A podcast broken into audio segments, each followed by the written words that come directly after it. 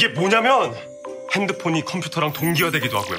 그런 것처럼 안 돼 둘 이상의 의미심장한 감정이나 이 사건이 타인의 것이랑 접속돼선 혹시 이 여자일까? 내가 곤란하면 꼭 나타났어요. 친절도 동정도 아니고 대체 뭔지 잘해주더라도 절대 좋아하지 말아요.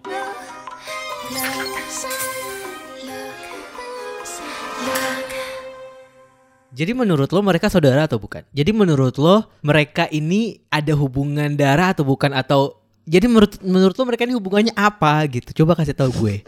Langsung ya lo bersemangat sekali ya episode ini. Langsung langsung. Kita episode ini kita bakal Iya, pendek iya. aja guys, cuman 3 menit jadi langsung to the point aja.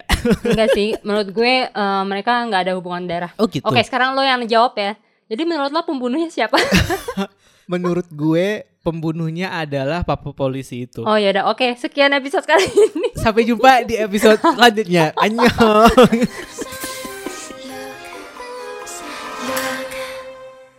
Dua dua pertanyaan besar sudah kita jawab ya.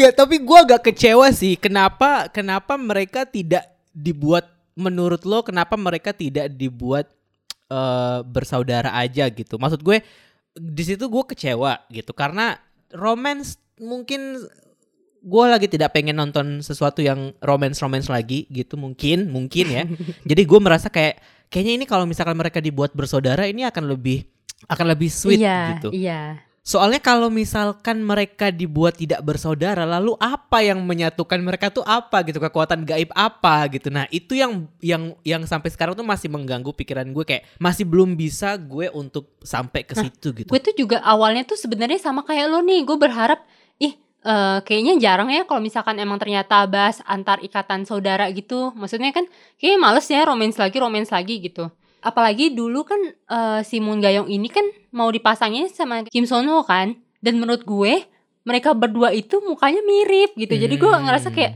oh sengaja dicari mukanya mirip. Jangan-jangan emang maksudnya mereka bersaudara nih gitu. Mhm. Tapi waktu diganti sama eh, Yojin Gu pun gue kayak ya udah nggak apa-apa maksud gue Yojin Gu ini entah kenapa punya aura saudara yang apa ya yang membuatmu pengen menjadikan dia saudaramu.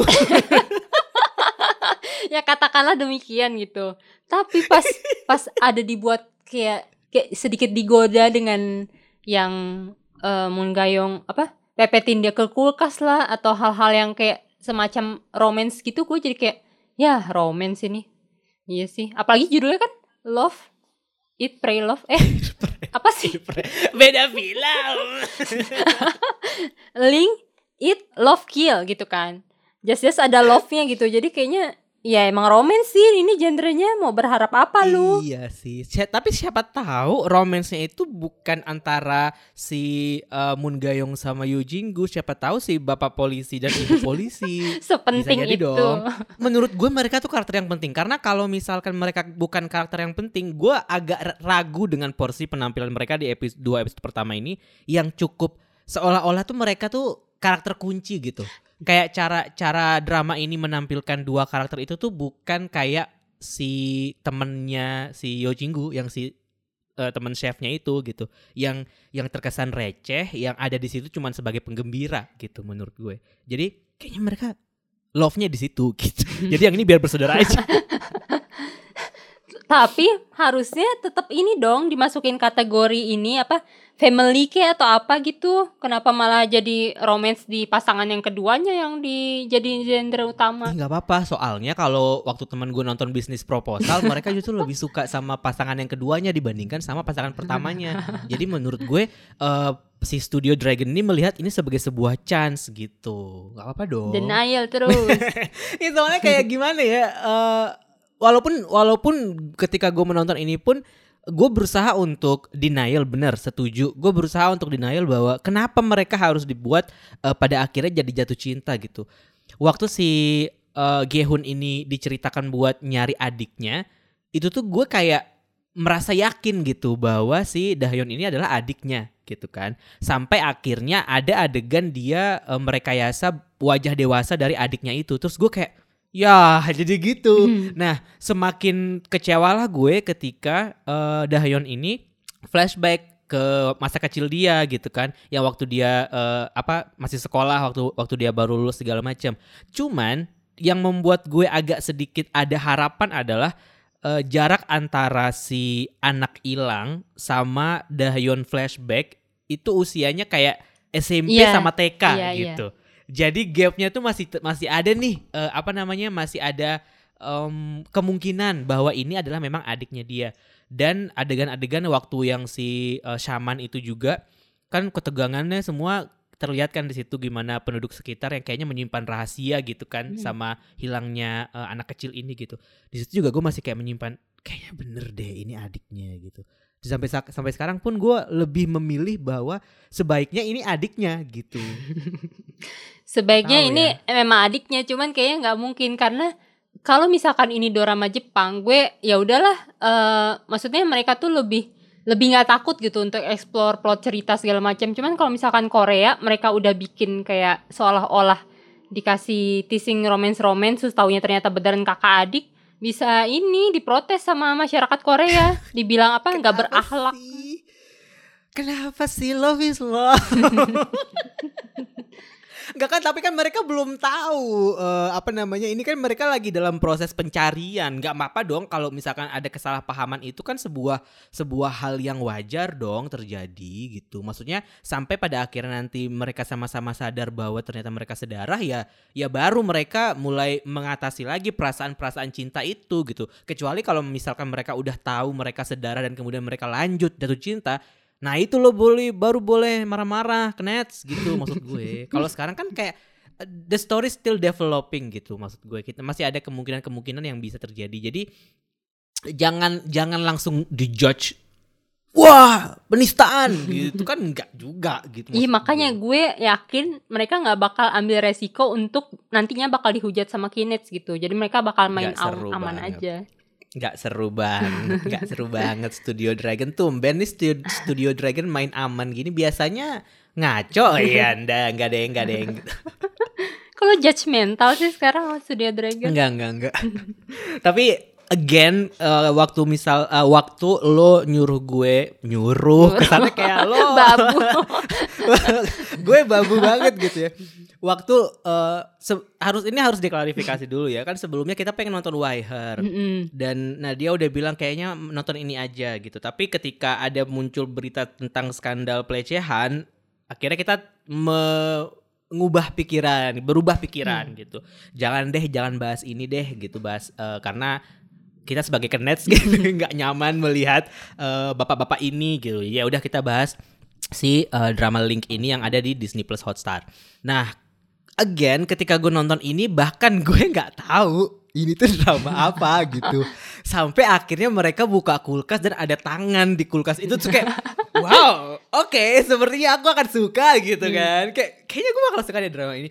Ditambah lagi ketika eh, Yo Jinggu sama Moon Gayong muncul, gue tuh semakin merasa bahwa mungkin ini drama yang gue butuhkan saat ini gitu karena gue gue tidak merasa drama ini tuh fokus ke sebuah eh, genre yang kayak misalkan kalau Iya. crime ya udah crime gitu kalau misalkan misteri ya udah misteri gitu tapi mereka berusaha untuk apa ya kayak black comedy gitu kali ya jatuhnya ya Hmm. jadi kayak mereka ngasih ngasih eh, misteri tapi di saat yang sama kehidupan tuh masih tetap berjalan Mhm. dengan eh, manusiawi manusiawinya orang sekitar gitu dan seperti biasanya drama Korea belakangan ini yang kayak lo nonton Our Blues atau mungkin Hometown Cha-Cha-Cha gitu. Eh, drama ini juga menawarkan sebuah lingkungan kampung yang karakternya banyak gitu. Mhm. Gua nggak tahu apakah ini lagi trending atau gimana di Korea Selatan. Mungkin gara-gara efek reply zaman dulu kala juga gue nggak tahu. Tapi gue banyak melihat topik serupa gitu. Dan ini juga berusaha menampilkan itu dengan tipis-tipis me- me- me- menyelipkan. Nih kayak salah satu dari orang ini nih jahat deh Mhm. gitu kalau gua gua mikirnya. Kalau gimana first impression lo gimana? Hmm, gue baca di Twitter orang banyak yang apa nyamain ini dengan Beyond Evil-nya si Yojin Gu, Hmm. cuman versi lebih terang gitu. Ya sih gue nangkep karena kan di Hmm. situ juga kayak Iya, iya. di satu apa kota kecil, terus mereka kayak siapa nih sebenarnya penjahat di antara mereka ini gitu kan. Iya iya benar. Cuma kan itu kan terlalu gelap gitu ya maksud gue. Gue tahu eh, drama itu cuman saat pertama kali gue nonton ini gue nggak langsung relate ke sana gitu. Gue justru relate-nya ke When the Camellia Blooms sama You Are My Spring. Mhm, mhm. Karena kalau the uh, When the Camellia Blooms kan juga gitu kan. Dia kayak ya di kota kecil itu ada banyak orang-orang cuman uh, kita dibuat nebak-nebak nih kayak siapa sih ini yang meninggal terus siapa pembunuhnya di antara orang-orang ini gitu. Iya, iya, iya, Tapi betul, tetap- betul. Tetap terasa ada romansnya, ada komedinya, dibuat ringan gitulah. Iya, Gitu. iya. Kalau You Are My Spring gue miripnya karena eh, lebih ke sisi psikologi dan mental health yang gitu-gitunya sih kan ada sempat dibahas-bahas juga kan di sini kayak Yang soal survivor ya. apa? Penyintas pelecehan seksual yang kayak gitu-gitu, yang stalker. Iya, terus Itu nggak yang maksudnya. eh, si Dayon kan eh, neneknya juga dulu ini kan punya suami yang abusive gitu kan. Iya, mm, mm, mm. Sama kayak tokoh cewek yang di You Are My Spring terus ada beberapa kesamaan lagi lah pokoknya intinya jadinya gue ngerelate-nya ke dua drama itu gitu. Mm. Cuman gue langsung ngerasa kalau lu ngerasa lu bakal suka sama drama ini pas lihat tangan di teaser itu Iya. ya. gue sempat lihat sih sebelumnya di poster kayak, hah itu kok ada tangan gitu kayak gue entah itu kan kayak baru tig- 30 detik pertama apa gitu. Dan gue kira kan kayak awalnya semua kulkas orang berbeda-beda tuh. Oh iya drama tentang kulkas gitu kan gue pikirnya tentang masak-masak. ada iya, iya. Ada yang isinya makanan ada yang dari situ kita bisa menilai eh, apakah mereka apa namanya Tajir, sehat. ya tajir atau gimana sehat atau gimana. Terus sampai akhirnya muncul tangan itu kayak wow wow ini benar-benar panggilan jiwa gitu loh kayak I love this gitu Dan entah kenapa reaksi pertama gue itu malah ketawa pas lihat tangan itu kayak. Gak, gue gue tahu kenapa lo ketawa. Karena kayak ketika tangan itu keluar seolah-olah orang tuh kayak pas dia mau berusaha buat masukin tuh kayak santai banget gitu. Kayak seolah itu bukan bukan bukan tangan manusia ya gak sih? Iya. kayak kayak sesantai itu gitu gue berasa dikasih surprise gitu. iya kayak seolah tuh kayak ceker ayam gitu ya kayak keluar ya mak keluar masukkan lagi deh gitu gue kira kayak gitu Cuman gue ngerasa gue bakal suka mungkin gue bakal suka sama drama ini tuh pas di episode 2 itu loh. Pas di malam di mana tiga cewek beda generasi ini ribet Iya, iya. dengan Iya itu mayat itu yang berpindah itu kan. betul betul Terus neneknya tiba-tiba random gegabah banget langsung nyebrang terus mukul toko orang. Akhirnya semua kayak bangun tuh kayak wah ini terus ujung-ujungnya mereka tiba-tiba eh, apa pada tiduran di gereja tuh kayak ini kocak sih. Tapi gue tuh agak agak itu ya ag- gue nggak gue nggak tahu eh, apa namanya logika adegan itu ya sebenarnya. Karena waktu Dahyun ngomong kayak seolah-olah mereka sudah pernah melakukan ini gitu kan. Mm-mm. terus gue gue merasa kayak harusnya mereka lebih mereka lebih tertata nggak sih? Iya, mereka iya. lebih berpengalaman gak sih gitu? Tapi ternyata eh, ya iya bener. Mungkin memang benar mereka sudah pernah melakukan itu sebelumnya. Mereka sudah pernah ya let's say nimbun mayat di belakang rumah gitu. Tapi mereka belum pernah menghadapi situasi di mana mayatnya itu di eh, colong orang masuk ke kulkas orang gitu. Dan itu juga gara-gara kebodohan mereka sendiri. Maksud gue kayak kenapa lu harus masukin mayat itu ke kulkas gitu? Ke kulkas yang bukan punya lo gitu maksud gue. Kayak sejak awal tuh logika mereka tuh kayak mabok gue rasa sih. Iya iya iya. Itu sih yang yang yang mem- yang membuat gue jadi kayak "T- tapi katanya mereka sudah pernah melakukan ini sebelumnya tapi kok mereka kayak agak-agak bego gitu? Ap- terus kemudian gue berpikir apakah eh ya gue nggak pernah sih melakukan kejahatan seperti itu sebelumnya gitu tapi apakah seseorang yang sudah pernah melakukan pembunuhan sekeji itu bisa terbiasa gitu. Maksudnya eh, ketika next mereka melakukannya lagi kayak oke gue sudah tahu gue harus ngapain atau gimana gitu kadang. Jadi itu yang membuat gue jadi gue nggak mau bilang gue overthinking soal itu juga kan nggak penting juga ya di overthinkingin tapi kayak kepikiran aja gitu. Iya iya. Momen di mana sih nenek itu mulai bertingkah itu gue nge- eh, langsung yakin kayak oh mereka enggak sih mereka bukan pelaku yang apa ngebunuh adiknya si Yojingu dulu. Soalnya apa ya menurut gue mereka ini tuh kayak om do doang gitu. Padahal aslinya Hmm. kagetan gak terencana. Terus kayak ya sok-sok ini aja. Kayak yang pas setelah mereka bertiga pulang dari kantor polisi kan neneknya sempat nyeletuk kan. Kalau misalkan nggak ada rencana lain kita habisi dia gitu kan. Iya terus pada tegang habis itu enggak bercanda gitu. Iya iya iya iya iya. Tapi gue tuh sempat sempat itu loh sempat em, yakin loh sebenarnya waktu neneknya itu eh, menyerahkan diri ke kantor polisi terus ibunya bilang kayak eh, apa laki-laki yang mana yang lo maksud itu kan dia Hmm. bilang itu ayahku dia bilang gitu kan ayah kami dia bilang gitu jadi seolah-olah kayak neneknya itu melakukan perlindungan diri dan kemudian membunuh suaminya gitu kan. Nah, gue tuh sempat Hmm. sempat yakin tuh sebenarnya kalau itu terjadi di dunia nyata karena eh, di, di di dunia nyata ya iyalah masa ya di dunia alam mimpi. Maksudnya itu ter- itu terjadi sebelumnya gitu dan itu nyambung sama kecurigaannya Dahyun yang soal seolah-olah tuh mereka sudah pernah melakukan ini gitu. Nah, Hmm. Cuman nggak tahu ya, eh, gue gue gue masih menyimpan keyakinan bahwa eh, ibu dan neneknya Dahyun ini nih agak fishy nih, agak agak Iya, iya. Sengaja mencurigakan nih, sengaja dibuat mencurigakan. Tapi bisa jadi juga itu karena efek mereka kebanyakan nonton TV menurut gue. Iya, Iya kan? Karena kan dikasih lihat kan dari awal kayak mereka tuh selalu nonton TV terus kayak selalu selalu apa salah fokus gitu ke TV gitu. Nah, bisa Hmm. jadi itu. Makanya mereka jadi kayak agak-agak dramatis kayak gini. Tapi kalau misalkan bener gara-gara kebanyakan nonton sinetron, berarti kita muncul lagi nih sama pertanyaan selanjutnya kan. Jadi Hmm. siapa pelakunya gitu. Benar benar benar benar. Soalnya yang di eh, pas bagian flashback yang malam semua orang eh, di tempat ini tuh nyari adiknya si Yehun itu, itu kan emang sengaja banget kan eh, kamera tuh ngasih lihat kita kayak beberapa orang tatap tatapan dengan seolah-olah mereka tahu sesuatu tapi kita nggak Mm-mm. tahu mereka tuh Mm-mm. tahu apa gitu. Mm-mm. Dan itu lumayan banyak. Entah gue nggak tahu deh yang lihat-lihatan sama si neneknya Dayon ini tuh si Pak polisi atau bapaknya si Yehun ya. gue juga lupa sih tapi pokoknya ada banyak adegan uh, Iya. flashback yang bukan bahkan bukan nggak nggak cuma flash- flashback juga bahkan uh, adegan masa kini pun yang Mm-mm. uh, mengesankan bahwa di RT ini tuh banyak orang-orang yang menyimpan rahasia-rahasia yang nggak kita kita nggak tahu apa gitu Iya. Waktu si eh, polisi cowok itu baru datang ke kota itu aja kan yang sopir taksinya ngomong itu kan. iya eh, iya Lo kok kota ini mau mati seolah kayak di kota ini udah banyak banget orang yang mati gitu. iya iya iya bener bener latar belakang kota ini juga agak agak mencurigakan sih sebenarnya yang di bener bener awalnya apa si Yehun sama temannya muncul terus kayak kota berdebu yang nggak ada kehidupan gitu kan. Iya iya. Dan kenapa seorang celebrity chef dan eh, chef yang udah berpengalaman gitu memilih untuk membuka usaha Eropa di ya ibaratnya tengah kampung gitu maksud gue kayak ya lo nggak menggunakan pengalaman lo selama ini sebagai chef atau ini cuma sekedar proyek iseng atau kenapa lo tidak berusaha untuk seperti masyarakat kebanyakan gitu membaur bukan justru eh, menam- me- menghadirkan sesuatu yang kayaknya bakal roaming gitu. Gue tuh kayak "Mm, oh, oke, mungkin memang dia tidak sedang dalam pikiran yang sehat karena perasaannya lagi campur aduk. Gue gua Iya, agak iya. memaklumi itu sih sebenarnya. Iya, kalau menurut gue si Gehun ini eh, dia langsung mutusin gitu aja karena dia tahu kota itu tempat kota adanya hilang dulu. Jadi Mm-mm, kayak mm-mm. ya udah deh di sana aja. Dan dia mungkin yang terbiasa eh, hidup nyaman di kota-kota besar kayak nggak percaya gitu masih ada kota seperti ini gitu di Korea. di pinggiran Seoul gitu ya masih Mm-mm. ternyata ada ada sebuah eh kab- kecama- kok kecamatan sih kayak eh, ya kelurahan lah gitu ya yang, yang kayaknya Kabupaten.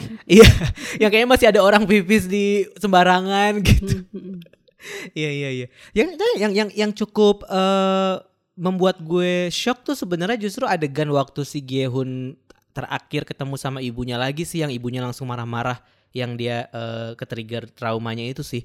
Yang kayak eh tadinya di adegan sebelumnya dia kan cukup open sama anaknya gitu kan yang kayak menyap- menyambut anaknya terus tiba-tiba dia mimpi lagi soal adiknya si Gehun terus tiba-tiba dia marah-marah gitu kayak itu yang itu yang membuat gue jadi kayak penasaran juga sih dengan eh, development dengan development karakternya si Gehun ini gitu. Maksudnya eh di saat yang sama aja tuh kayak ada beberapa masalah gitu yang yang berusaha untuk ditutupi oleh drama ini gitu. Hmm. walaupun biasanya sih drama-drama eh, yang di depan udah ditampilin semua masalah gini biasanya nanti ada aja yang nggak kesentuh ke belakangnya gitu kan.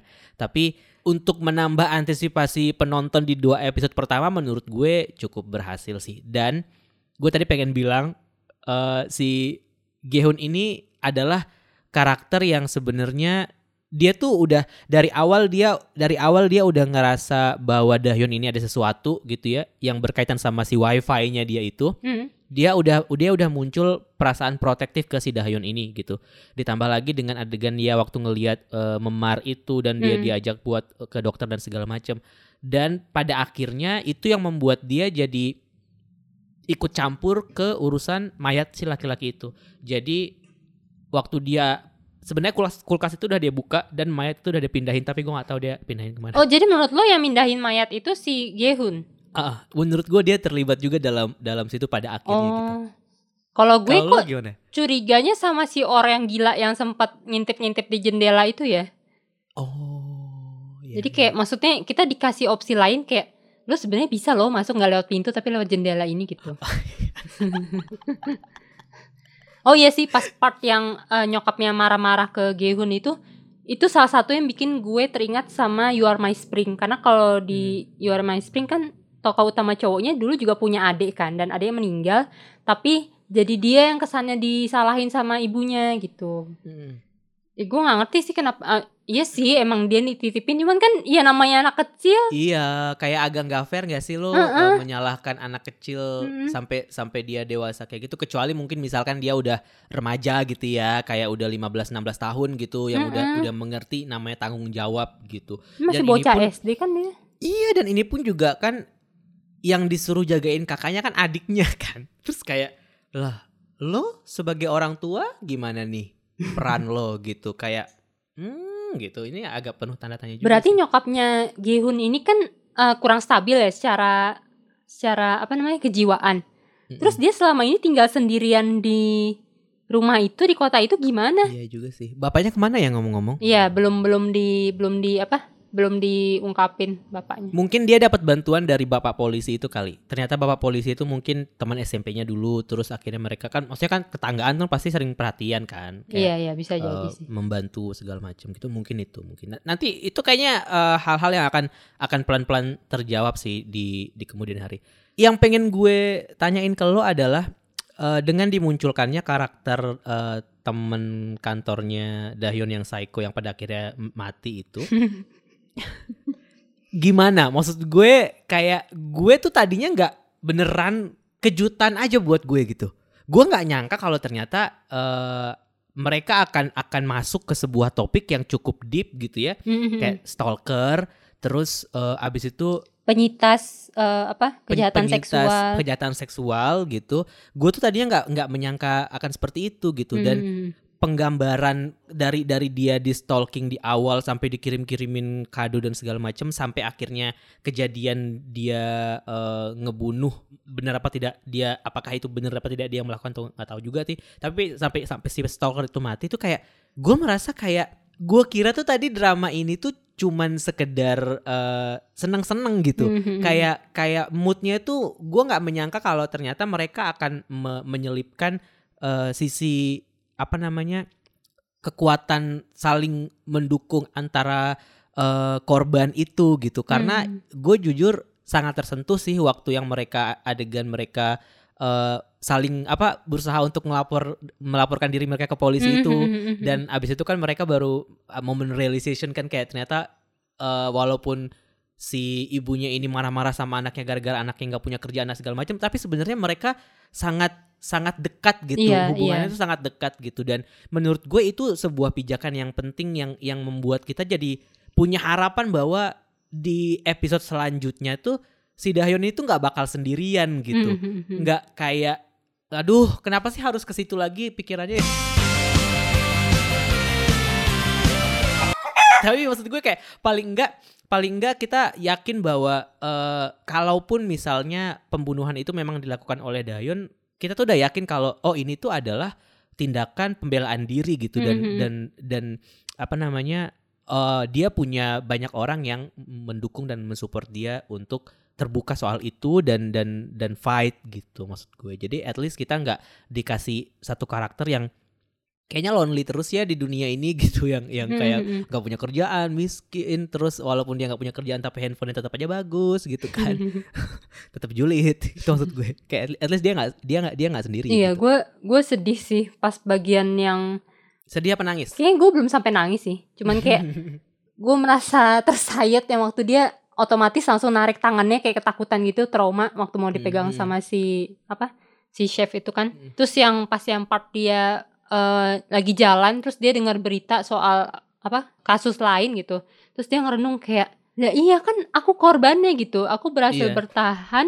Tapi maksudnya kok jadi dia yang kesannya penjahatnya gitu sekarang Iya, maksud iya. gue gue sempat berpikiran kayak iya harusnya tuh ada hukum yang kayak lebih benar pro ke korban gitu kayak yang gue jadi sebel banget tuh waktu sama si polisi cewek yang dia eh, penasaran nih anak itu kenapa ya waktu itu ya terus langsung disamperin tapi di depan umum tuh dia langsung ngejulit gitu loh kayak ya ada yang datang ke polisi nggak cuman korban bisa jadi pelaku kayak maksud gue dia langsung tanpa azas praduga tak bersalah terus dia langsung bikin orang kalau misalkan bener dia pelaku kalau dia korban terus kayak langsung digituin gimana perasaan si dia emang korban sih makanya gue kayak kesel banget sama si polisi Iya, iya. cewek ini Karena kita tahu dia korban jadi kita jadi kesel sama si polisi. Mm-mm. Iya, iya. kayak bosi kayak jutek nggak jelas gitu Iya sih. Nah, itu sih yang gue yang gue nggak nggak nyangka sama drama ini kalau eh, soal topik itu sih yang yang yang coba mereka angkat. Maksudnya di tengah eh, apa jokes-jokes yang mereka berusaha tampilkan terus eh, misteri yang berusaha mereka selipkan tapi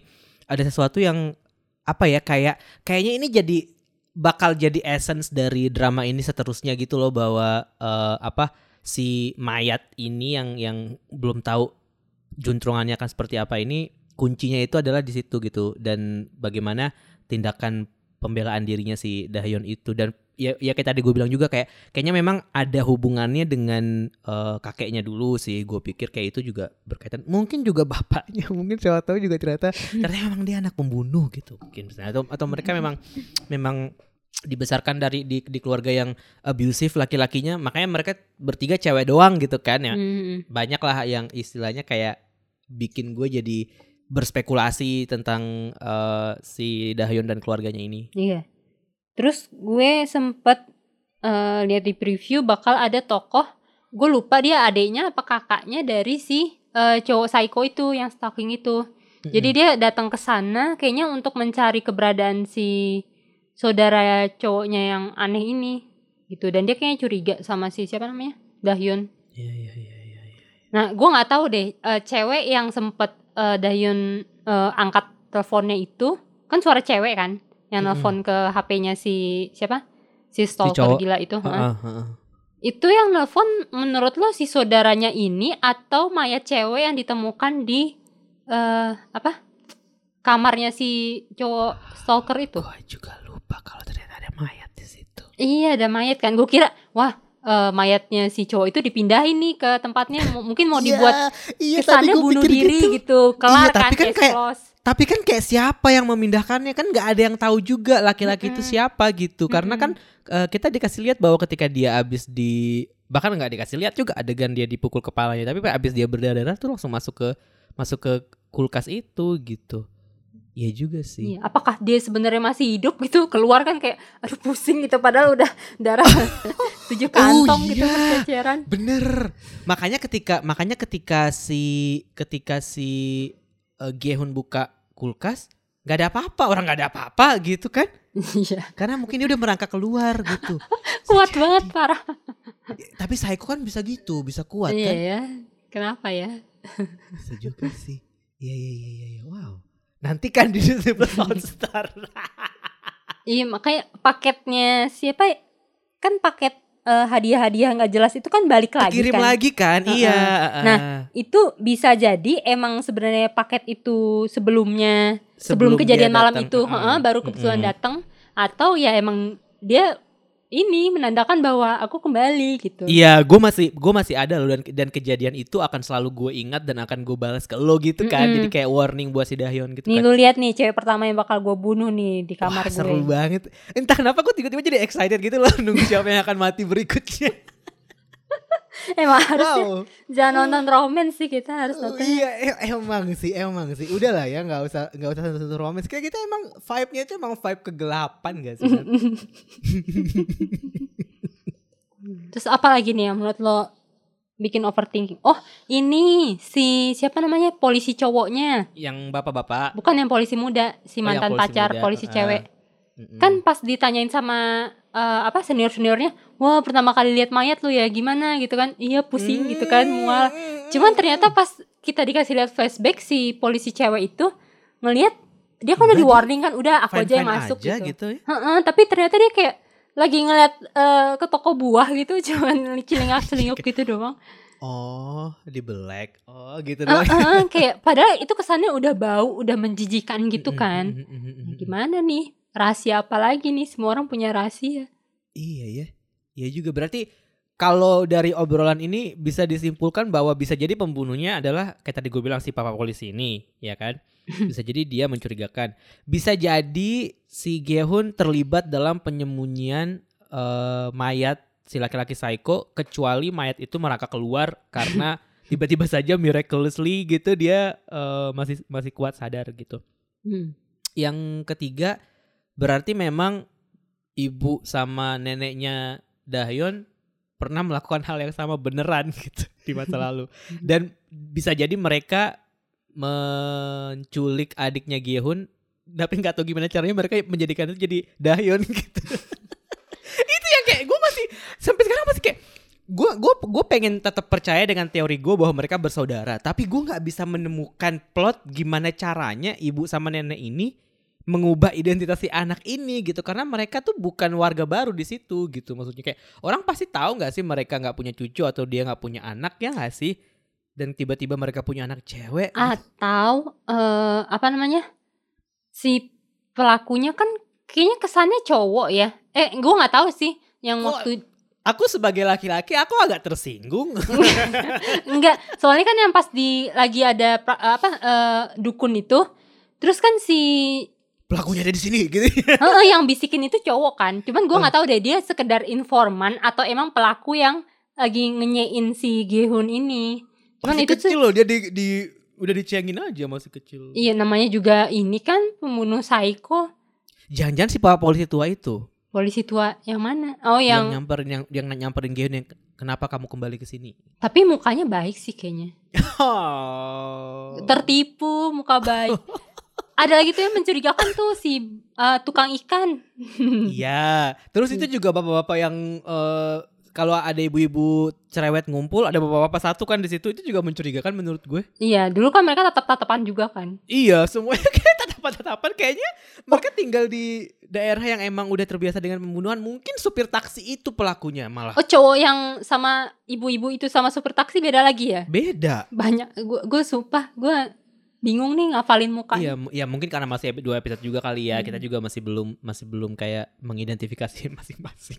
Iya. Kayak gue gak sanggup sih kalau misalkan eh, mengenal terlalu banyak karakter gini tapi nggak apa deh dicoba aja. Jadi kalau dari lo apa teori yang bermunculan di pikiran lo? Gue rasa catatan lo nih liberation notes lo udah penuh nih kan sama drama ini kan. gue yakinnya sih masih ya mereka tuh bukan saudara. Jadi mungkin dulu si adiknya Gihun ini tuh eh, diculik nih sama orang yang butuh uang gitu. Entah siapa pun lah di kota ini. Nah. Aku pasti. Aku butuh uang banget soalnya pasti aku penculik. Iya. nah terus eh, mungkin di ini dijual-jualin kayak jantungnya, ginjalnya atau apanya segala macem lah gitu. Oh wow, Diuangin. pikiran Anda jauh sekali ke situ ya. Oke, organ, donor organ. Oke, oke. Inilah Menarik, jebolan hospital playlist ya. Nah terus menarik. mungkin si Dahyun ini kan sebenarnya berarti dia satu kampung kan sama Gehun kan. Cuman kenapa dia Mm-mm. waktu kecil tuh kesannya nggak ikut main sama mereka? Mungkin dia si Dahyun waktu kecil ini nih Sakit-sakitan. eh, di rumah terus, Oh, jantungnya wow. lemah atau apa? Enggak, lu bukan jebolan hospital play, lu jebolan antv jebolan sinetron lu. Terus ya udah mungkin pas pada saat itu mereka eh, lagi ngurusin berobatnya Dahyun terus eh ket- kebetulan ketemu nih ada nih si donor jantungnya. Cuman yang jadi pertanyaan adalah kalau kayak gitu kenapa linknya si Gehun ini baru muncul setelah 18 tahun kemudian? Apakah baru aktif ketika pada saat itu Dahyun eh, apa berada di jarak yang kayak misalkan dia baru bisa ngerasain setelah eh, 100 Satu kampung meter gitu, ya. Iya, Heeh. 100 meter. Iya, iya, iya. Gue suka sih sama teror itu. makasih loh Hmm, Dan hmm. menurut gue eh, kayaknya Yehun bukan yang nyembunyiin mayatnya deh. Maksudnya kayaknya dia terlalu belum sedekat itu untuk mau terlibat dalam kekacauan besar ini untuk melindungi orang yang belum benar-benar dia kenal ya gak sih? Hmm. Atau dia tiba-tiba udah ngerasa yakin kalau Dayon ini adiknya terus dia kayak ya udahlah tau udah jadi mayat ini. Tapi kayaknya dia Gua- enggak deh. Dia orang yang logis gitu deh. Enggak, gue gak setuju sih sama itu. Soalnya pas dia ngelihat Dahyun luka-luka langsung maksa-maksa ke dokter. Oh iya sih, iya sih. So kenal Terus banget dia- lu gitu. dia juga kayak urusan gue gitu kan. Dia juga sempat ngomong kan, iya kalau itu terjadi sama adikku pelakunya udah apa aku bunuh Iya, gitu. dia dia dia tuh kayak masih meyakin apa masih yakin bahwa si Dahyun ini tuh ada chance bahwa Dahyun ini adalah saudara dia gitu. Tapi bener sih Iya. tadi gue juga pengen nanya sama sama lu sih soal yang kenapa baru 18 tahun kemudian eh apa link itu aktif lagi gitu. Terus yang kayak masih belum terjawab. Jadi- Tapi gue suka teori yang eh, donor. Jadi kayak love alarm gitu loh, maksudnya baru celing setelah jarak. Iya, Bersinggungan berapa, gitu. Iya, alright. Baru betul, aktif. Betul, betul, Bener-bener. Tapi tapi itu masuk akal juga sih karena waktu waktu si adiknya Gehun hilang kan bapaknya pernah bilang kan kayak lo harus me- mensyukuri kemampuan lo ini gitu. Kayak karena kalau lo masih bisa merasakan itu berarti lo masih masih tahu adik lo masih hidup kan. Hmm. Nah, terus berarti kalau dia dengan begitu ketika dia masih merasakan bahwa eh, adiknya masih hidup dan kalau memang benar bahwa perasaan itu hanya bisa dia rasakan dalam radius sekian meter gitu, berarti memang benar si kampung ini nih agak misterius nih ada penculik di di tengah kampung ini karena Hmm. anak itu pada akhirnya diumpetin di kampung yang sama juga makanya si Gehun masih bisa merasakan eh, keberadaan adiknya gitu kan. Dan ketika eh, yang masalah jual donor itu juga menurut gue itu sangat masuk akal dan bisa jadi juga eh, waktu Dahyun bilang kayak kok kayaknya nenek gue sama nyokap gue udah terbiasa itu mungkin bukan bapak atau kakeknya tapi mungkin anak itu yang dimutilasi sama mereka. Kayaknya mereka gak sekejam itu deh untuk mutilasi anak orang. Tapi demi Dahyun kan demi bisa dapetin jantung donor jantung gitu.